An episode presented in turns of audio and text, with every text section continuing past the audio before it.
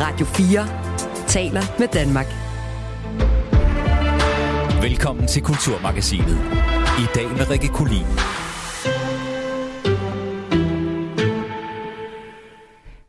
Det en public service opgave for DR at producere porno til ungdommen. Det foreslår journalist og skribent Ditte Giese i hvert fald i en kommentar i Politiken, hvor hun blandt andet skriver, at man ved, at alle medvirkende er voksne mennesker, der selv har valgt det, bliver betalt for deres arbejde og har givet samtykke til hele baduljen. Vi har derfor talt med en adjunkt i sociologi, om det er en god idé, og hvordan det i så fald kan føres ud i livet. Det kan du høre lidt senere i dagens program. Ørkenen sønder! Frivilligt indgået aftale om fisse fisse, og på ingen måde nedladende omtaler af den marokkanske hovedbeklædning fest fest. Tak! Ja, Ørkenens Sønder er tilbage. Søren Pilmark, Niels Olsen, Asger og Henrik Kofods show har en vanlig lummer titel, Fingeren på pølsen. Og selvom man skulle tro, at tiden efterhånden var løbet fra fire halvgamle røvhuller, og det tror jeg ikke, de bliver fornærmet over, at jeg kalder dem, så er det langt fra tilfældet, hvis du spørger informationsteateranmelder Anne Middelbo Christensen. Hende skal du også høre senere fra, øh, senere fra, fra senere i øh, dagens program. The things I would do to you. Ja, på lørdag der øh, afholder Forum arrangementet R&B Legends, som hylder R&B-genren. Og bag det arrangement, der står blandt andet sangskriver, rapper og producer Remy, som har været en livslang R&B-fan fordi han her ligesom fandt talentfulde forbilleder at spejle sig i. Så i dagens program, der har vi talt med ham om kærligheden til genren. Og så starter vi faktisk også i dag i musikkens tegn, for vi skal kaste et blik på kønsulighed i musikbranchen i forbindelse med, at det er i går for andet år i træk afholdt topmøde om kvinder i musikken. Mit navn er Rikke Kulin. Velkommen til Kulturmagasinet. Radio 4 taler med Danmark. Jo længere man kommer op i den musikalske fødekæde, desto færre kvinder bliver der. Kun en tiende del af de rettighedspenge, der bliver udbetalt af Koda, de ender hos de kvindelige musikere. Og i går der afholdt DR og en række brancheorganisationer fra musikindustrien så for anden gang det såkaldte topmøde om kvinder i musikken, for at sætte fokus på, at kønsbalancen i den danske musikbranche er pil skæv. DR har siden 2021 nemlig arbejdet målrettet med projektet Kvinder i Musik, og gennem en lang række initiativer forsøgt at løfte repræsentationen af de kvindelige musikere på tværs af DR's radiokanaler. let me know what you're thinking about.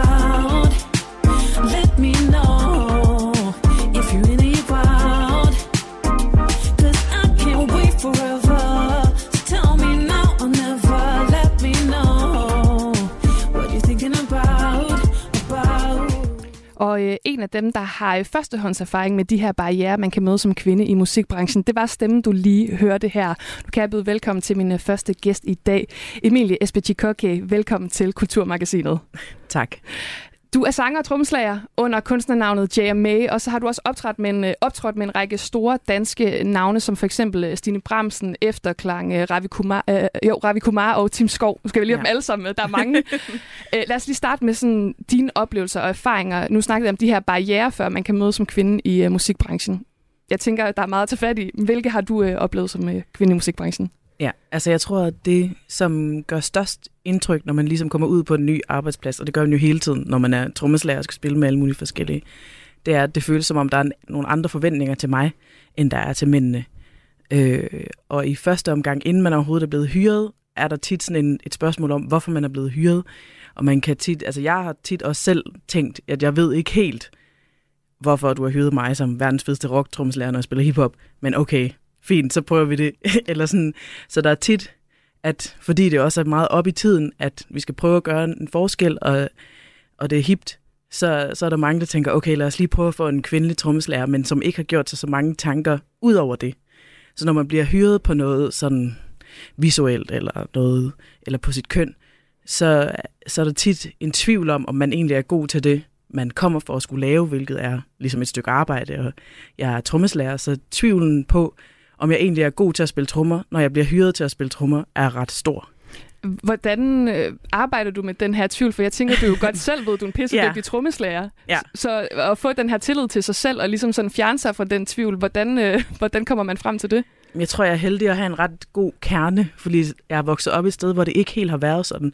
Jeg er vokset op øh, både med en enlig mor, som er bassist, og så er jeg gået på en friskole, hvor der var rigtig mange kvindelige forbilleder, også kvindelige musiklærere, og hvor de virkelig gjorde en indsats for, at alle skulle prøve alle instrumenter og ligesom vælge ud fra, hvad man så godt kunne lide, i stedet for en reproduktion af, hvad man har set i fjernsynet osv. Så, så jeg har haft en rigtig god kerne af først at finde ud af, sådan, da jeg var 15, at det ikke var normalt, at jeg spillede trommer.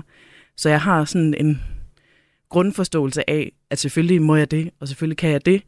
Og så er det først sådan lidt senere, jeg kommer ud i verden og finder ud af, at der er ingen andre, der tror på det. og det er virkelig værdifuldt for mig, kan jeg mærke, at jeg kan gå ind i det rum og se alle tvivl på mig, og så vide, at når jeg lige har brugt dobbelt så lang tid som de andre, så tror de også på mig.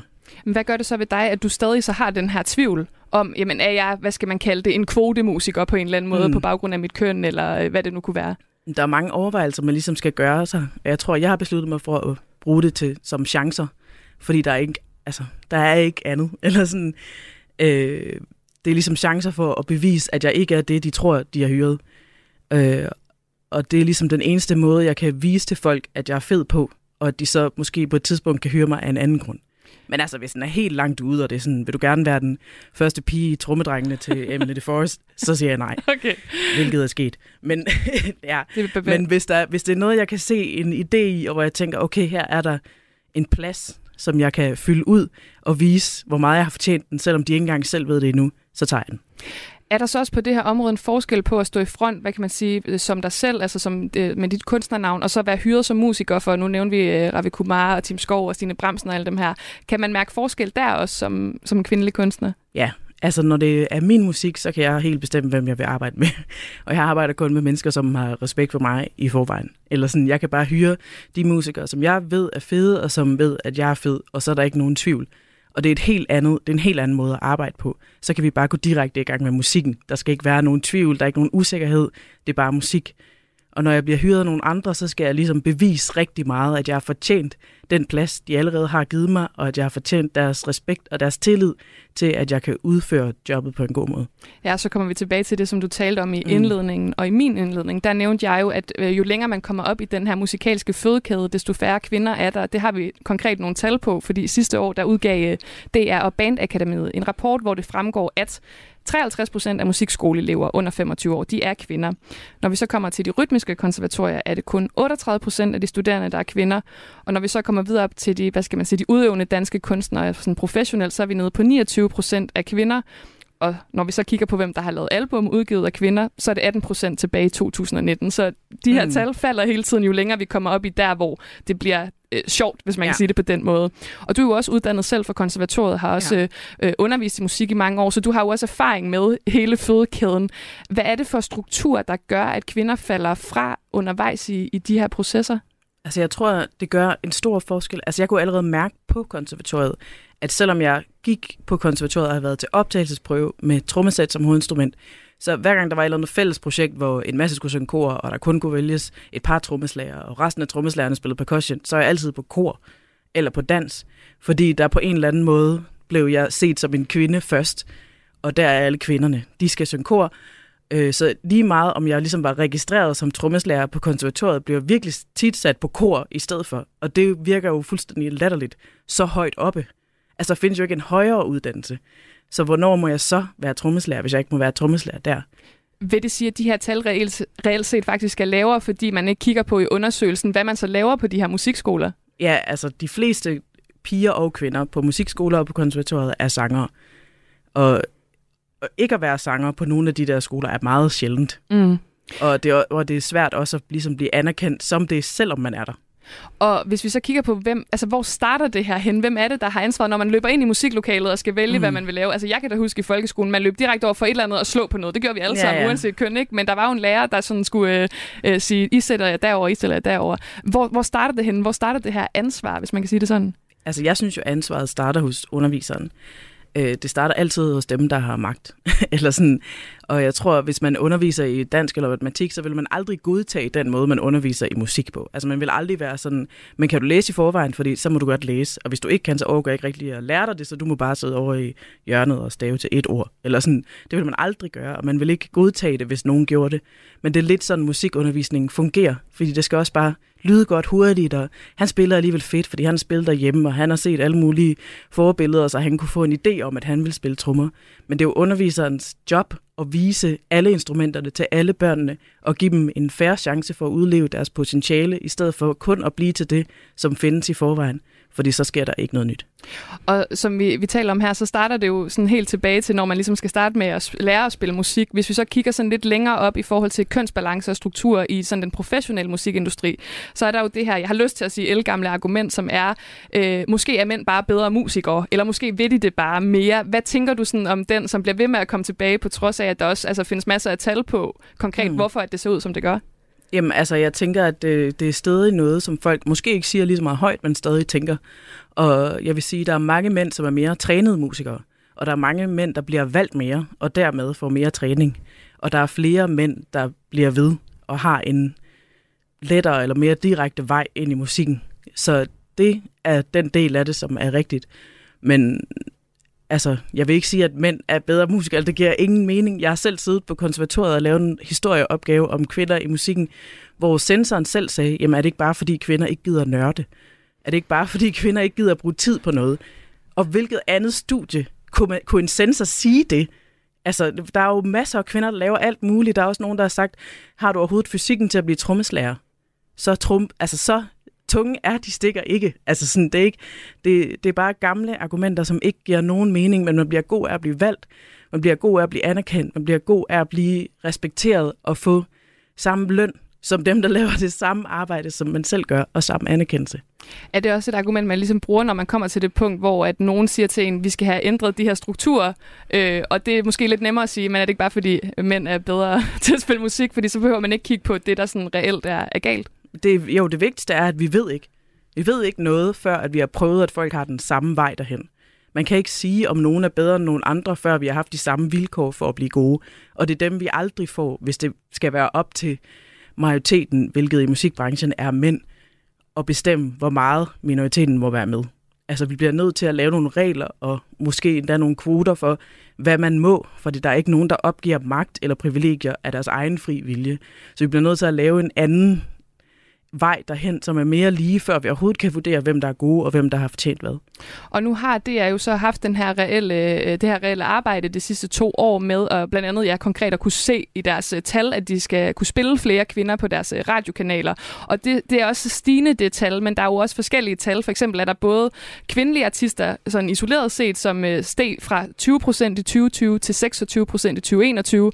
Men hvis man så kigger på både bands med altså kvindelige artister plus øh, bands, hvor der både er kvinder og mænd i, så er tallet noget højere, men det kan mm. så også bare være en kvinde, der er i et band, og måske står i baggrunden et eller andet ja. sted. Ikke? Så der er, jo, der er jo sket noget, øh, som det jeg arbejde, altså, har arbejdet målrettet på siden 2021, men ubalancen er der jo stadig, og vi kan stadig se, når vi ser de reelle tal, hvor det er sådan, vi isolerer de kvindelige kunstnere, så er der lang vej igen.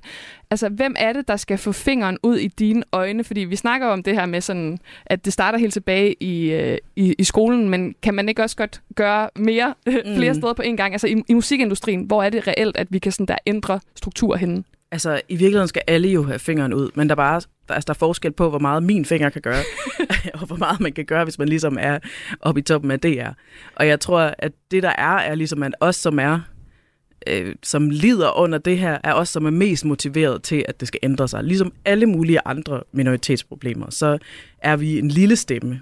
Så derfor bliver man nødt til at ligesom sætte nogle krav til dem, der sidder lidt højere oppe, både på radio og også pladeselskaber. Alle gatekeeper bliver ligesom nødt til at blive tvunget til at give noget. Og jeg tror, at tit i den her snak bliver der snakket om, at it's not pie. Altså, der er nok til alle.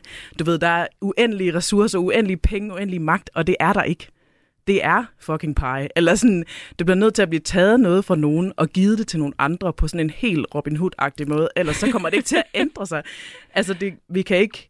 Det er som om, at for eksempel DR og alle mulige andre, som har magt, vil være med til at lave det her, den her forskel, indtil de mister noget. De vil gå så langt som til, at de selv mister noget, eller skal fyre nogen, eller skal blive tvunget til at ansætte nogen, eller Altså, de, de har en eller anden form for forventning om, at det kan ske naturligt, og det har det aldrig gjort. Og hvis de siger, at vi kan heller ikke fyre en chef, så det her har jo været længere end en levetid. Det har været længere især end en ansættelseslevetid. Så det er ikke det, der er problemet. Der bliver nødt til at være nogle strukturelle ting, man ikke må. For ingen kommer til, altså ingen af dem, der har magten, kommer til at gøre det af deres egen frivillige. Så budskabet er, at det er, kan godt, selvom de er begyndt at dele mere ud af kagen, så er der plads mm. til, det til er ikke nok. Mere. Det er ikke nok kage. Det er her med øh, budskabet fra dig, Emilie Espechikok, sanger og trommeslager. Tak fordi du var med i Kulturmagasinet for at tale om kønsbalancen. Du lytter til Kulturmagasinet på Radio 4. Ørkenen sønder! Frivillig indgået aftale om fisse fisse, og på ingen måde nedladende omtale af marokkanske hovedbeklædning fest fest. Tak! Sådan her lyder det for tiden på bakken på den turné, som Ørkenens Sønder netop har startet. I et show, der, hvis Søndernes egen udmelding holder stik, bliver deres sidste. Og det er altså øh, kvartetten Søren Pilemark, Niels Olsen, Asger Rea og Henrik Kofod, der øh, har øh, en ny titel på vej, eller som er i gang allerede. Den hedder altså Fingeren på pølsen.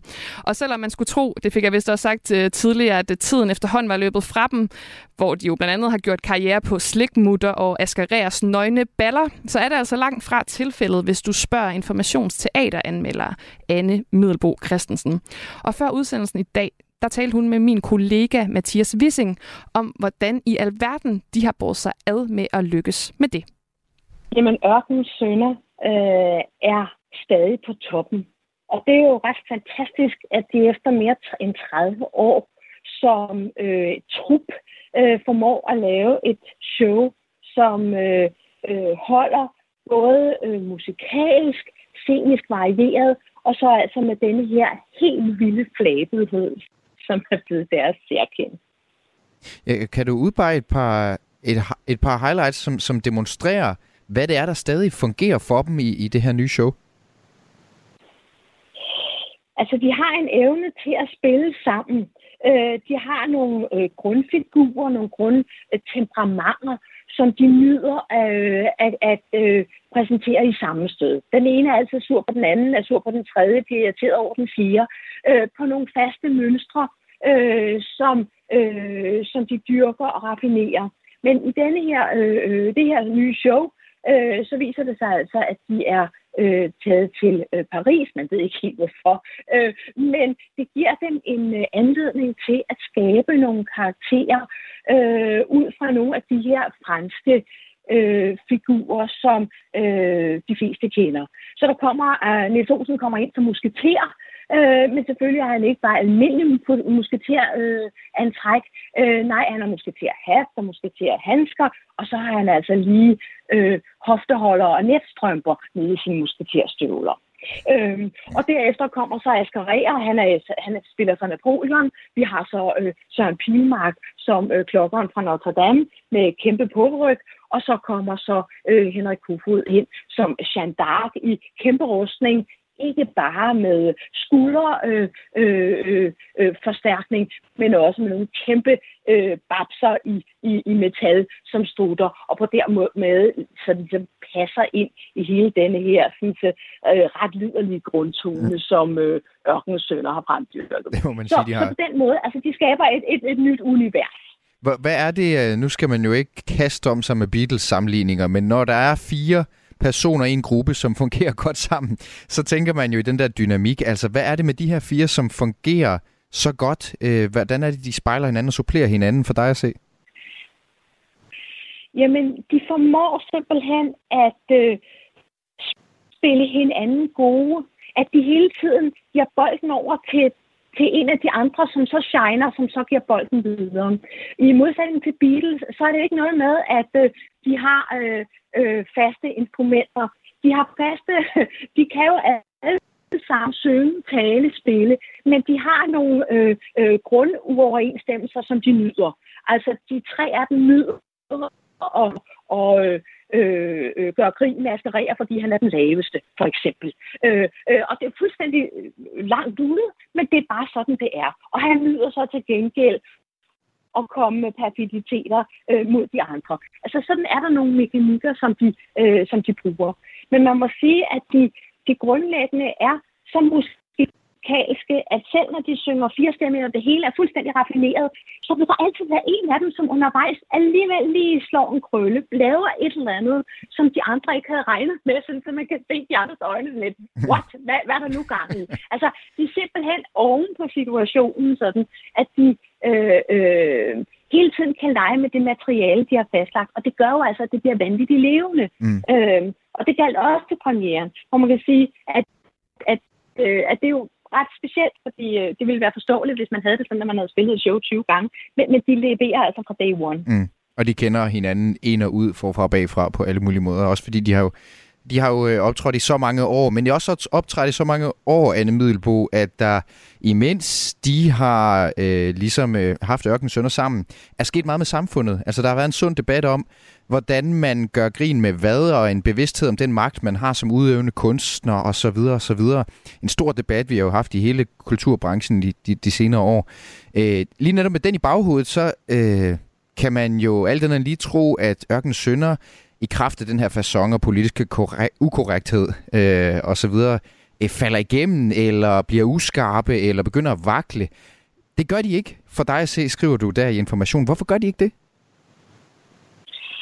Jamen, øh, for mig at se, så har de ramt en, øh, en måde, øh, de har ramt en taleform, som kan kline sig ind i denne her debat om, hvad vi må og hvad vi ikke må så de bevarer elegancen, men også så de bevarer saftigheden øh, og lummerheden. Og det er jo altså ret godt gået. Øh, jeg oplevede den første gang i 1997, hvor de havde deres, øh, det var sådan deres store gennembrudsshow, kan man sige, ude på Bellevue Teateret, og der stod, stillede de sig op med deres kampråb der, fisse, fisse, fisse, fisse. Mm. Og der var allerede dengang nogen, som så havde set begyndershowene, og som vidste, at så skulle man så råbe med og det ene og det andet. Mm. Og som kvindelig tilskuer, så sad jeg jo til at starte med at tænke, ej, helt ærligt, mm. det er altså for meget det her, hvad er vi gang i? Det er mm. godt nok lummert.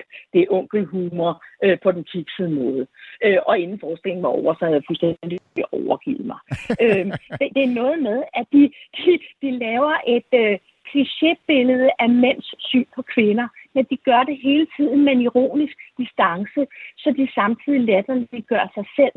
Altså sådan, så de kan de viser tilskueren, hvor langt ude det er at simplificere verden på den måde. Øh, og, og, og så i, i, i samme, i samme øh, åndedrag, jamen så laver de gerne sketches som kvinder. Øh, øh, de har deres faste filmindslag, hvor de finder bizarre klip med meget, meget barmfagre kvinder. Og, øh, og, og, og særligt øh, Niels Olsen kan jo altså rulle med øjnene, mens han kigger ned i en kavalergang. Så det er fuldstændig fantastisk. Mm. Men det bliver det bliver komisk. Altså, mandens øh, øh, sådan øh, sexfokus bliver bare til grin i det her. Mm. Øh, og samtidig med, at, altså, de nu her i den, i den nye fortælling meget elegant forvist, at det går jo slet ikke. Altså, her kan man jo faktisk slet ikke tale om kvinder. Og det får de sådan ført ind i deres sange, sådan så at øh, øh, ikke alene gjorde de tidligere sig selv til grin, sådan, men nu begynder de også at skyde hele situationen. Hvem er det egentlig, man er til? Hvem siger egentlig, at de her, tre, øh, de her fire mænd øh, på scenen er så vilde med kvinder? Hvad nu, hvis de var lige så vilde med mænd? Mm. Øh, mm. Øh, altså den her øh, åbenhed omkring en halvøj seksualitet, det er altså vores egen sag, og man må være hvad som helst. Mm. Øh, jeg har, øh, hvad hedder det, min anmeldelse har citeret øh, på et tidspunkt, hvor de, øh, øh, hvor de sådan synger øh, og siger, så gør dig fri, og elsk den, du kan lide, om du er lesbisk, bøse eller bi, ud på sjov. Men husk at spørge om lov, for mm. der er mm. nye skikke, det er magnifikke synger de så. så hele det her med krænkelsesdebatten, du skal huske at, give samtykke og sådan noget, det får de med ind, øh, så, man, så det både bliver sjovt, men kan også se, at de faktisk mener det. Øh, og, øh, og det er jo ganske godt klaret af sådan fire hvide, øh, øh, ciskønnede mænd, som optræder her øh, sammen. Og, og hvorfor, og hvorfor er det nemlig, at det er... talerør for rigtig mange. Hvorfor er det nemlig, at det faktisk er lidt en bedrift for dig at se og lykkes med den balancegang, altså rent faktisk lave humor om samtykkelovgivning, øh, men stadigvæk opfordrer til at øh, altså stadigvæk være på den, på den rigtige side, kan man sige. For det, det er jo tit der, det ellers vil blive tamt eller formanende. Eller, altså, hvordan er det så, de her fire, som du siger, øh, halvgamle røvhuller, de lykkes med alligevel ret, rent faktisk også at lave noget, der er sjovt og vedkommende? Jamen, det er jo fordi, de retorisk er helt vildt raffinerede. Altså, de er jo sprogmestre, de her fire mennesker. De har skrevet teksterne sammen. Vi ved ikke, hvem der har skrevet hvad. Det er Søren Pilmark, der har instrueret. Men de er alle sammen verbalt så raffinerede. De kan jo simpelthen svinge imellem et hav af nuancer i deres ord. Og det, det gør jo altså, at de kan farvelægge deres øh, øh, stemninger. De kan simpelthen trække ironien hele vejen fra at, at lave den beske satire til at lave den, den voldsomme selvironi. Og så kan de altså øh, øh, skildre tiden. Altså, de er ikke bange for at sætte sig selv på spil som de hvide gamle dumme, mm. der engang var anderledes. Mm. Men nu er de altså selv, de er altså vågnet op. Mm. Øh, og jeg skal jo ikke spøjle handlingen, det vil være synd, men i deres fyldegårdsnummer, der er der faktisk den fedeste øh, øh, pointe øh, omkring vores den nye tid, øh, og det vi forventer af åben kærlighed og respekt i øjeblikket, det ligger pludselig i Gyllegårdsnummeret, som ellers har været sådan en fuldstændig øh, fasttømret øh, øh, parodi på den danske landmand og konen, mm. der sidder derude og kommer ind i vejene, mm. og manden har så lige en affære kørende en anden, men det er sådan, det er. Mm. Og, og hver eneste gang, der er et nyt Gyllegårdsnummer, så har det været den samme øh, skurkagtige opførsel. Øh, og det hele handler om at arve Gyllegården osv. osv. Øh, øh, der er altså i år kommet en, øh, en meget øh, overraskende øh, afrunding på den her fortælling, som, som, som taler direkte ind i vores tid. Og mm. det, det, det er altså godt gået. Ja, sådan øh, lød det fra en, må jeg godt, tror jeg, tillade mig at sige, begejstret teateranmelder hos Information, Anne Middelbo Christensen, som havde talt med min kollega Mathias Wissing. Og øh, fingeren på pølsen, Ørken Sønder 2023, spiller på bakken til, øh, fra, frem til den 16. december i år. Jeg har lige været inde og kigge, der er altså stadig billetter, så du kan altså også nå at opleve øh, det her show, hvis, øh, hvis du ikke har købt billet endnu. Og hvis nu du ikke øh, bor i nærheden af bakken, jamen så skal de. Selvfølgelig har jeg lyst til at sige, sidenhen turnerer hele landet. Det gør Ørken Sønder gennem stort set hele 2024. Så don't miss it. Finger ud af pølsen, skulle jeg til at sige, og få øh, købt de billetter, hvis du vil det. Mirko, tror du, jeg på de næste 55 minutter kan blive omvendt til at blive sådan en, en rigtig Swifty, ligesom dig? Jeg tror ikke, vi har brug for 55 minutter. Only in America er Danmarks eneste program dedikeret udelukkende til amerikansk kultur. Er det nu, at vi sætter Crime River på?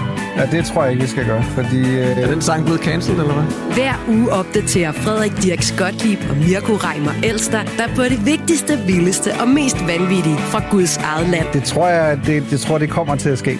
altså, jeg tror, at Justin Timberlake er blevet toxic. Lyt til Only in America i morgen kl. 14.05. Radio 4. Ikke så forudsigeligt. Du lytter til Kulturmagasinet på Radio 4. Ja, og det gør du med mig, Rikke Kulin. Og øh, hvis du tænder for dit øh, tv eller åbner for din øh, browser, så, øh, så kan du jo for øh, Danmarks øh, Radios vedkommende stille ind på både DR1 og DR2 og DR Ramachan, DR Minichang eller DR Ultra. Der er masser af valgmuligheder.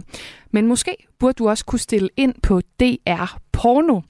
Det mener i hvert fald øh, journalist og kommentator Ditte Giese, som i en øh, kommentar i Politikken skriver, at øh, eftersom unge i dag jo har nærmest uhindret adgang til porno på nettet, så bør DR udvikle, og jeg citerer, et pornotilbud målrettet unge med alle former for køn, seksualitet, lyst, kroppe og legetøj, hvor alle får lov til at få orgasmer, og hvor man ved, at alle medvirkende er voksne mennesker, der selv har valgt det, bliver betalt for deres arbejde og har givet samtykke til hele baduljen. Det skriver hun altså i øh, politikken. Og helt ærligt, det tænker jeg i hvert fald, hvem synes ikke, at public service porno lyder som en fed idé? Derfor så ringede øh, min kollega Søren Berggren Toft inden udsendelsen i dag til Sissel Harder. Hun er adjunkt i sociologi på Københavns Universitet, og i foråret der udgav hun en såkaldt tænkepause om porno. Det er sådan nogle små bøger fra øh, Aarhus Universitetsforlag, hvor forskere på cirka 60 sider giver en indføring til deres forskningsfelt. Og øh, Søren, han spurgte Sissel, om hun også synes, at public service porno, jeg kan meget godt lide ordet allerede, det er en god idé. Altså, det er en god nok idé, forstået på den måde, at det er jo allerede laver noget, som har den der karakter i form af seksualundervisning, altså for eksempel mm. P3, øh, som jeg også har været med i. Øh, hvad hedder det? Um, Sex med P3. Og det er jo ikke et pornoprogram, det er et seksualundervisningsprogram. Det tror jeg, og det sådan tror jeg, det vil være, hvis DR begynder at lave det. Altså sådan, vi har tidligere haft øh, de her forsøg på den stuerene porno, både i form af Centropas produktioner og Pussy Power. Det problem, der er i at lave den her, den rigtige porno, fordi noget af det porno kan og vil, det er ikke at være rigtig på en bestemt måde. Mm. Så, det, så det her med, at jamen sådan, nu skal vi lave Altså, sådan, der, det, er en, det er en god ambition, og også en, som har været sådan, i, i, øh, i forskningen i porno, at jamen, lad os make it decent, plejer vi at sige. Sådan, når man, altså, lad os, det er der, lad os kigge på det, lad os lave noget, der er ordentligt. Problemet er bare, at, at meget af det, grunden til, at folk ser porno og interesserer sig for porno, det er, at det er et sted, hvor de her begreber om ordentlighed er sat lidt ud af spil. Øh, og derfor bliver det meget svært at, øh, og, øh, at sådan få noget, der har et kvalitetsstempel på. Det har vi dog. Altså sådan, øh, i den australske forskning har man blandt andet ligesom lavet sådan øh, øh, sider, eller hvad hedder det, sådan kvalitetsstemplet sider, som, som øh, det, man kalder pink sites, altså små øh, uafhængige øh, sider, der prøver at lave øh, præcis det, som Gise efterlyser. Øhm, så det findes, og, øh, og, og der er egentlig sådan masser af det. Det er bare en bestemt form for porno. Og jeg tror, at, at, at på den ene side kan man sige, at det er, er øh, altså sådan, kan, kan klasse lidt med den øh, en af de ting, vi, som pornoen kan, nemlig at være varieret øh, Øh, at man ligesom har noget, der er sådan statskontrolleret porno. Øh, så, så, så på den ene side er det en god idé, det er også en idé, der bliver udført. Jeg ved ikke, om, om, øh, om det er en, som man skal blande. Det er en i. Det, der også er ved det i dag, det er jo, at vi, vi ved, at de unge har jo super nem adgang til porno i dag. Det, altså, enhver ung menneske har jo øh, en smartphone og adgang til en computer, og det ligger jo på nettet over det hele, ikke? Øhm, og, vi, og det kan også påvirke øh, unges blik på, øh, på kroppe og på seksualitet, og bør det netop derfor ikke være en public service opgave at tage den her opgave på sig? Altså, men det er meget vigtigt ligesom at holde fast i, ikke bare, at det kan påvirke, men hvordan det kan påvirke. Altså sådan, så, så man skal passe på med at lave de her øh, sådan kausale virkninger ved, hvad vi ser i porno, og hvad vi så går ud og gør i vores eget sexliv. For det er der altså god forskningsmæssigt belæg for at hæve det, at det ikke er en direkte oversættelse, og unge bliver lige så påvirket eller påvirket på andre måder af det, som de oplever øh, øh, selv, og det de selv øh, både fra andre jævnaldrende og fra, øh, fra sådan, som de øh, selv mærker og føler, når de ser porno. Så hvis det er en public service forpligtelse, så er det ikke en public service forpligtelse, som kun øh, har med porno at gøre. Det er så også en, en public service forpligtelse, der har med alt muligt andet medie at gøre. Der er ikke nødvendigvis nogen grund til at tro, at, at, at porno har en særlig øh, hvad hedder det, øh, rolle at spille der. Men det, der jo er rigtigt, er det her med, at porno ikke bare i dag er, er frit, men også free og tilgængeligt.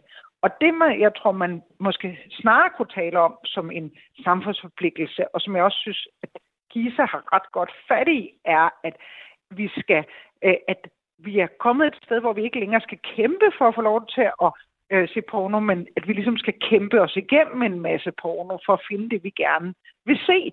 Øh, og det der med at navigere i øh, de forskellige former for seksuelle materialer, der ligger ud på nettet, det tror jeg er rigtigt, at der er, har vi en samfundsforpligtelse til at øh, sådan assistere de unge med øh, og turde tale om, og sådan set også øh, de voksne. Det kan være svært nok for dem også at finde ud af, hvad er øh, ulovligt og ikke ulovligt, hvad samtykke og ikke samtykke i nøgenbilleder på nettet. Ja, for grund til, at vi overhovedet øh, taler om det her i dag, det er jo fordi, der er en radikal øh, ændring på i dag, og så øh, fra i dag og så til, til den gang, hvor, hvor du og jeg var børn, hvor, hvor man skulle lave nogle helt andre krumspring for overhovedet at få adgang til porno. Øh, lad mig lige spole tilbage en gang, øh, Sissel. Hvad, kan du huske, hvad dit første møde med porno var? Jamen, jeg tror, jeg ligesom mange andre sådan, startede med at opleve porno i en i papirform, ikke? Altså øh, i, i øh, det her med at finde et pornoblad, der var nogen, der havde smidt ud, eller, øh, øh, eller at øh, være den første til at, at hente posten ind, og så var der de der kuponhæfter, hvor der også var porno side om side med øh, alle mulige andre DVD-serier, man kunne, man kunne øh, købe. Øh, og, og det var jo en helt anden sådan, øh, meget sådan et, et lille glimt af den her verden, i modsætning til min egen datter, som øh, du ved, får sådan nogle øh, øh, pushbeskeder eller øh, profiler, der, der, øh, der sælger øh, porno på sociale medier, ikke? og som så sådan set vil have hjælp til at, at, at sortere dem fra. Øhm, og det er jo en, en vigtig ændring, og også en ændring, som måske ender med at blive sådan lidt en parentes i historien, fordi vi nu begynder at se de her reguleringsforsøg mm. øhm, på, øh, på EU-niveau. Du har været inde på det et par gange, det her med, at, at der begynder at blive indført forskellige restriktioner i forhold til unges adgang til porno. Der er en række lande af dem, som vi normalt sammenligner os med, Tyskland, Frankrig og øh, England, der har indført aldersverificering, så man som ung, i hvert fald som minimum, skal kunne lave nogle digitale krumspring, hvis man skal have adgang til, til porno. Det er jo også en politisk debat, der har kørt hjemme, men det er ikke noget, der er sådan umiddelbart er på vej, men det er noget, der kommer op en gang imellem. Og det her med aldersverificering, det er jo sådan lidt i den modsatte grøft i forhold til at lave et public service tilbud. Hvordan, øh, hvordan forholder du dig til den, gang, øh, til den tilgang? Jeg tror egentlig ikke, at man skal se det som en, en modsætning. Jeg tror egentlig godt, at det, der vil kunne ske, var, at man på den at de to ting hænger sammen. At man på den ene side prøver at lukke for den ufiltrerede øh, adgang til porno, samtidig med, at man siger, og her er så alternativet. Og den kombination af lovgivning og, og, og, og uddannelse, det er nok noget af det eneste, de diskuterende parter her kan blive enige om. Fordi man kan ikke bare lukke for den hane, øh, som er unges øh, nysgerrighed omkring seksualitet, så bliver man nødt til at give dem en eller anden alternativ. Men når man søger efter øh, viden om sex gennem porno, så har det blandt andet noget at gøre med, at det er noget, man mangler at få svar på nogle andre steder. Øh, så jeg tror, man bliver nødt til faktisk at tænke de to øh, greb sammen, øh, at, at øh, jamen, hvad vil vi så sætte i stedet? Øh, hvordan vil vi så give adgang til, øh, til, øh, til noget andet information? Mm. Og øh, jamen, altså, hvad, aldersverificering det været, ligesom, øh, altså sådan, vi kan sagtens blive enige om, at, at, at, at porno, ligesom mange andre ting, er ikke bare sådan godt eller dårligt øh, i, i sig selv. Det er noget, som er godt for nogle mennesker på nogle tidspunkter. Noget af, noget af den porno, der ligger der. Så jeg tror, der, der, der, er, god, der er god råd for at lave en form for, for, øh, for regulering, men det skal være en regulering, som øh, først og fremmest altså forholder sig til hele det etiske aspekt i øh, den form for overvågning, vi skal have for at, at, øh, at regulere, men og som også i meget høj grad tager øh, ikke bare børnenes tag, men også dem, som øh, arbejder med porno, dem, mm. som øh, i forvejen øh, oplever rigtig meget regulering øh, og verificering på de her platforme. Øh, og der er det super spændende, hvad der kommer til at ske på EU-niveau. Ja, sådan lød det altså fra Sissel Harder, som er adjunkt i sociologi på Københavns Universitet. Hun havde talt med min kollega Søren Berggren Toft, og det var altså i anledning af, at øh, journalist og kommentator Ditte Gisse i en kommentar i Politikken efterspørger et øh, pornotilbud målrettet unge af vores allesammens største public service øh, institution, nemlig DR. Du lytter til Kulturmagasinet på Radio 4. Og det gør du med mig, Rikke Kulin. Og selvom det godt kunne lyde, som om det skal handle mere om porno nu, så lover jeg, at det skal handle om noget andet. Men øh, lad os lige starte med den her. The things I would do to you. single altså, genuine med pony, ikke? Der, vi, vi bliver i samme spor, så alligevel overhovedet ikke. Fordi hvis du øh, er i det nostalgiske hjørne, så skal du på lørdag tage de lavtallede bukser og crop toppen på, og så skal du tage en tur i Forum i København, hvor du kan vride dine hofter sexet til tonerne af den musik, der for alvor dominerede i 90'erne og 0'erne, nemlig R&B-musikken. Og hvis du var ung i den periode, så har du helt sikkert sunget med på øh, R&B-sangere som Whitney Houston og Mariah Carey og Tony Braxton, fordi ifølge information, så var 18 ud af de 20 største hits i USA i nullerne, enten R&B eller øh, hiphop, og kun et øh, enkelt hiphop-nummer havde ikke en R&B-sanger med, så det var jamen, praktisk talt umuligt at komme øh, uden om R&B. Og som sagt, så er det altså på lørdag, at Forum afholder det her arrangement R&B Legends, som hylder den her genre. Og øh, bag det arrangement, der står blandt andet sangskriver, rapper og producer Remy. Og øh, Remy han har været et livslang R&B-fan. Og det har han været, fordi han øh, fandt nogle meget talentfulde forbilleder at spejle sig i.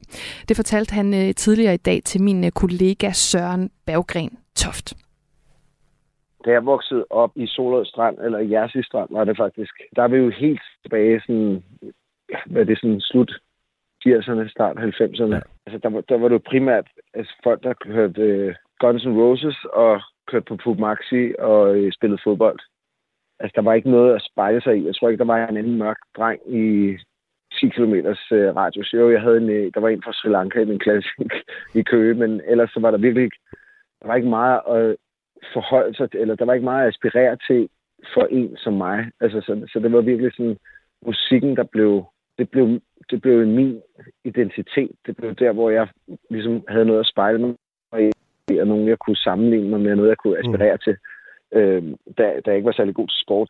Øh, og det var startede egentlig med, mest med hiphop og så videre, og så blev, fik jeg mere og mere smag for R&B, som det, det, ligesom begyndt i 90'erne at, at, at blive stort. Jamen, altså, for mig var det store åbenbaringer. Første gang, jeg hørte Motown-film med, med Boys to Men, der var det, altså, jeg har aldrig hørt noget musik, der var så øh, appealing og var så, øh, ja, så magisk. Øh, det var så sexet, det musik, og det var så, øh, så dygtigt og så, så veleksekveret, og så sindssygt vokaler og melodier og humor og stil, swag. Derfra er jeg jo selv i gang med at lave musik, og ville egentlig drømme af at kunne synge lige så godt, eller rap lige så godt som dem, men det, det kunne man jo ikke. Så det var ligesom, om det, det lå altid som sådan et øvre niveau af, hvad du kunne drømme om at kunne lave en gang. Øh, du er inde på det her med, at da du voksede op i Solrød Strand, der var der, der var ligesom to veje, man kunne gå for at være cool. Man kunne enten lave musik, eller man kunne lave, øh, lave sport, og øh, du nævnte, at du var ikke så god til sport, så derfor blev det musikken. Og det er jo også det, der er gået hen og blevet din karriere. Du har optrådt som rapper i, øh, i flere forskellige grupper. Du har været producer for, for Soap, som jo også var stor i den her periode i 90'erne og 00'erne. Og så har du skrevet sange for en lang række danske og internationale navne, men, men du har ikke selv beskæftiget dig med, med den her R&B-genre, som øh, ikke mig bekendt i hvert fald, som, som, som dit hjerte brænder så meget for. Men, men hvordan kan det være, at det ikke er den genre, du har kastet over? Amerikansk R&B føler jeg kan kun laves rigtigt der. Altså ligesom at Afrobeat laves bedst i Nigeria og mm. derudfra, og ligesom øh, øh, rock laves bedst i andre steder. Altså det, det er jo noget med kultur, hvad der er omkring dig, og der er det bare aldrig været... Øh, det var ikke the real deal at komme fra Solrød øh, og lave øh, hverken hiphop eller R&B i amerikansk. Der er øh, noget ved Atlanta, som gør, at man bedre kan lave det, end der er ved Solrød Strand. Ja, det er, jo, det er jo musik, der kommer ud af kultur, så selvfølgelig kunne vi imitere det, men for mig har jeg bare aldrig følt, at jeg rigtig kunne være det på den måde. Men der har jeg stadig kunne gå rundt og være nyde det. Og, mm. øhm, men hvad hedder det? Så, så nej, havde jeg haft evnen, så havde jeg sikkert også gjort det. Men, men, øh, men nej, så det blev en anden vej for mig musikalsk. Men, men derfor har det stadig været en stor del af inspirationskilden til alt. Øh, det musik, jeg har lavet. Mm. Og så vidt dit øh, personlige forhold til R&B-musikken, og nu skal vi prøve at zoome lidt ind på den her genre her. Jeg er jo jeg er sådan lige et nummer yngre end dig, og sådan lige lidt det yngste til helt at have været inde på den her R&B-bølge i 90'erne og 0'erne. Så du ja. er eksperten her i dag, og jeg føler mig virkelig i gode hænder. Og jeg har taget øh, en lille bid fra et af de helt store R&B-numre med. Det, det er Montel Jordans This Is How We Do It. Den spiller jeg lidt af lige om lidt. Men, men i første mm. omgang, Remy, øh, R&B, det står for Rhythm and Blues. Hvad, hvad, hvad er det helt præcis, der karakteriserer den her genre, og hvordan adskiller den sig fra for eksempel hiphop? Øh, jeg synes meget, det R&B, der, der blev, hvor det virkelig blev fedt i 90'erne, det var, det var fordi, det ligesom sprang ud af hiphop. Så det fik en, mere hybrid, hvor det ikke var... Øh, hvor det blev melodiøst, men det var stadig ikke så poppet, det var stadig cool, det var stadig sexet, det var stadig råt, det var stadig street. Øh, samtidig med, at det var, øh, hvad hedder det, øh, samtidig med, at det var catchy og melodiøst, og det krævede nogle sanger, der virkelig kunne synge og sådan ting. Men så, så der opstod bare sådan en ret fed genre, som sådan var en hybrid mellem hiphop og R&B, øh, hiphop og soul, eller hvad man skal sige. Mm. Øhm, og, øh, og, det, og det synes jeg også senere kommer det hen, hvor hiphoppen så bliver kæmpestor faktisk. Det har været jo nærmest verdens største musikgenre siden. Øh, men den går så også over, hvor du har artister som Drake og så videre, som så begynder at synge mere. Så det bliver sådan en blanding af at være rapper og være sanger og sådan. Jeg synes et eller andet sted derimellem, hvor det bliver melodisk, synes jeg er super spændende og, sådan, og fedt. Og der er, hvad hedder det, og det er det, der ligesom har sine rødder i den tid. Og lad os tage et eksempel på det. Det er Montel Jordans This Is How We Do It. Han er en af dem, der også spiller på til R&B Legends på, øh, på lørdag. Og jeg tror, hvis man var ja. ung i 90'erne, øh, så kender man stensikkert det her nummer her. Jeg tager den lige, og så lad os tale bagom, hvad det, bagefter, hvad der, var, hvad der var fedt ved det her. Ja. The party's underway,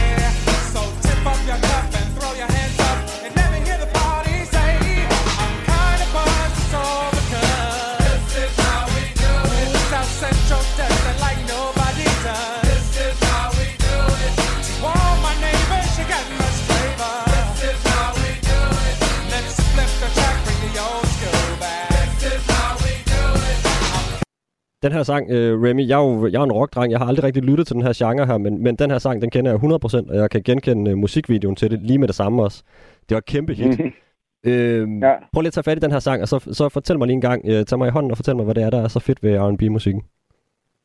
Jamen, jeg synes, det der var også bare, det var bare et, et af de der gigahits, der, der kom, der bare blev sådan tidsdefinerende. Det var jo det var et, det største hit i verden i nærmest et helt år, det der. Ikke? At det, øhm, Og det var også det der med, at det netop var blanding af sådan store hip-hop beats, og så en R&B-sang ind over, som sådan det med rå, hvor det ikke var så poleret. Sådan, han, han synger lidt pitchy og sådan ting. Det, med, det, det er som en rapper, der synger. Øh, det, det kunne noget.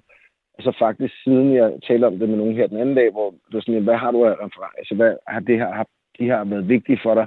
Det vil sige, faktisk de artister, der kommer på lørdag, nu Legends jo noget, vi gerne vil køre over lang tid, så vi, mm. det her har været det første show, vi har, hvor det lykkedes os at få samlet så mange fede artister. Men for mig er dem på lørdag det mest, det, det, det er sangene, der er legendariske for mig, hvor at nogle af dem, vi begynder at tale om senere hen, det er artisterne. Jeg synes, Monty Jordan er sådan en, der har haft et par rigtig, rigtig store øh, klassiske klassikere øh, hits.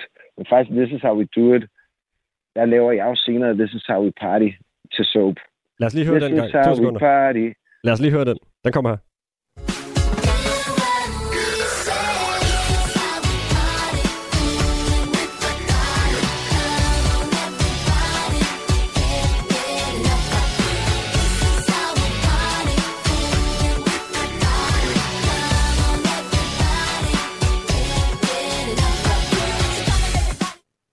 Den kan jeg huske. Den er fra øh, den periode, ja. hvor jeg sådan så småt begynder at gå i byen. Og titlen er jo næsten det samme. Ja. Den første, den hedder This is how we do it, og Soaps, den hedder This is how we party. Er det sådan en lille tip med hatten til Montel Jordan? Ej, nu vil jeg sige, det var først noget, jeg tænkte over i sidste uge, så jeg har faktisk aldrig tænkt over det før, men det var, vi og gennemgik sangen, så tænkte okay, det skulle da rimelig tæt, så det, det, er jo, det er jo en eller anden form for helt klart ubevidst, øh, hvad hedder det, øh, inspiration, uden at skulle infringe mig selv med, med et eller andet lawsuit.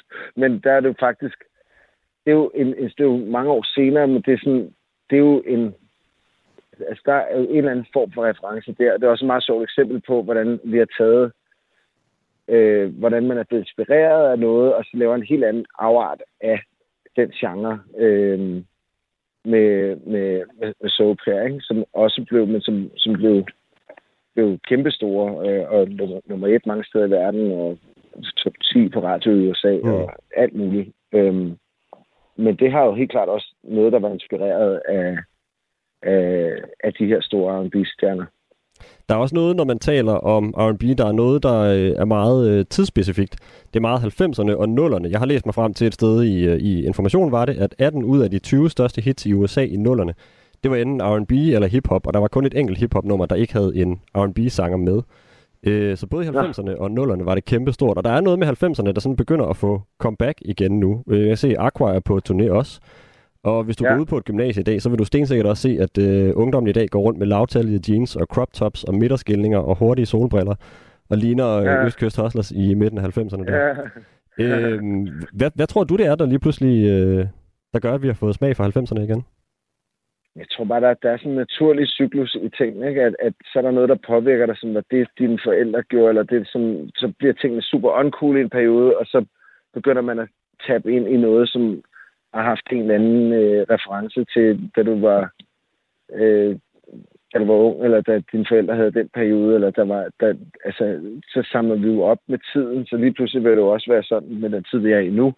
Og t- om et år, så er der alle mulige ting, som er populære lige nu, som vil være de mest ah, cringe, øh, det gider mm. du ikke have noget med at gøre.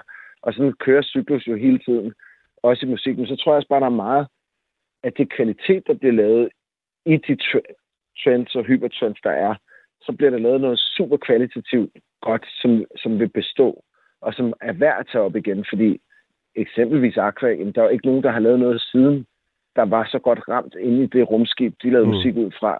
Øh, hvad hedder det? Og derfor vil der jo altid være noget at hente. Altså børn vil altid reagere på det. Min datter reagerer på Aqua stadig lige så meget, fordi det er noget, som ingen andre kunne have lavet end de fire mennesker.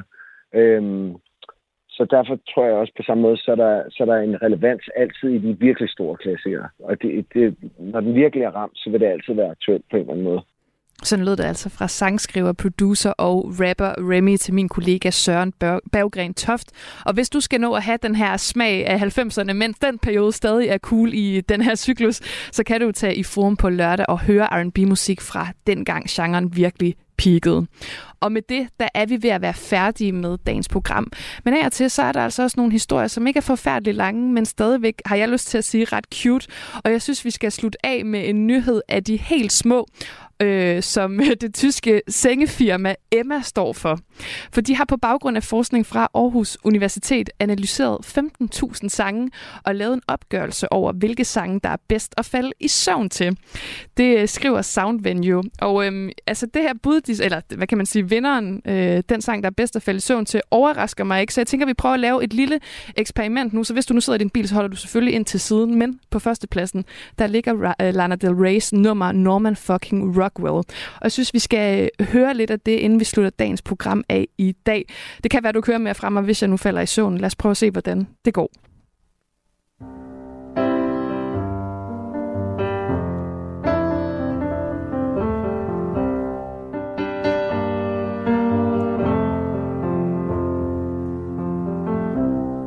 Goddamn man child. You fucked me so good that I almost said I love you. You're fine and you're wild. But you don't know the half of the shit that you put me through. Your poetry's bad and you blame the news. But I can't change that and I can't change your mood.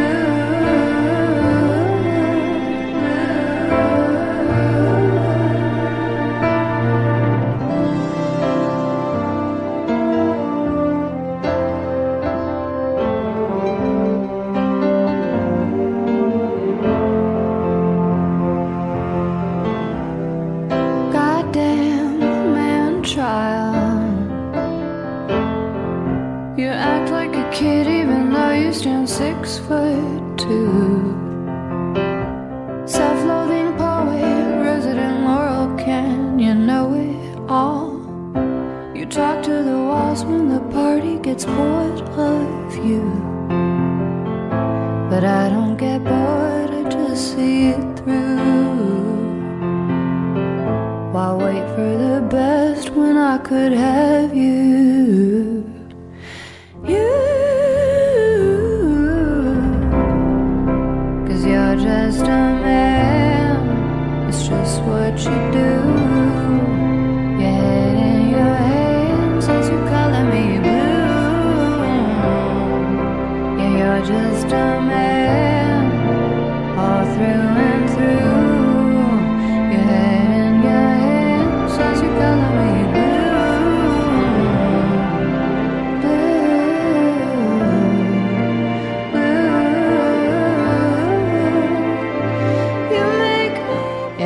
Så tonerne her af Lana Del Rey's øh, Norman fucking Rockwell, som ifølge forskere er den bedste sang at øh, falde i søvn til.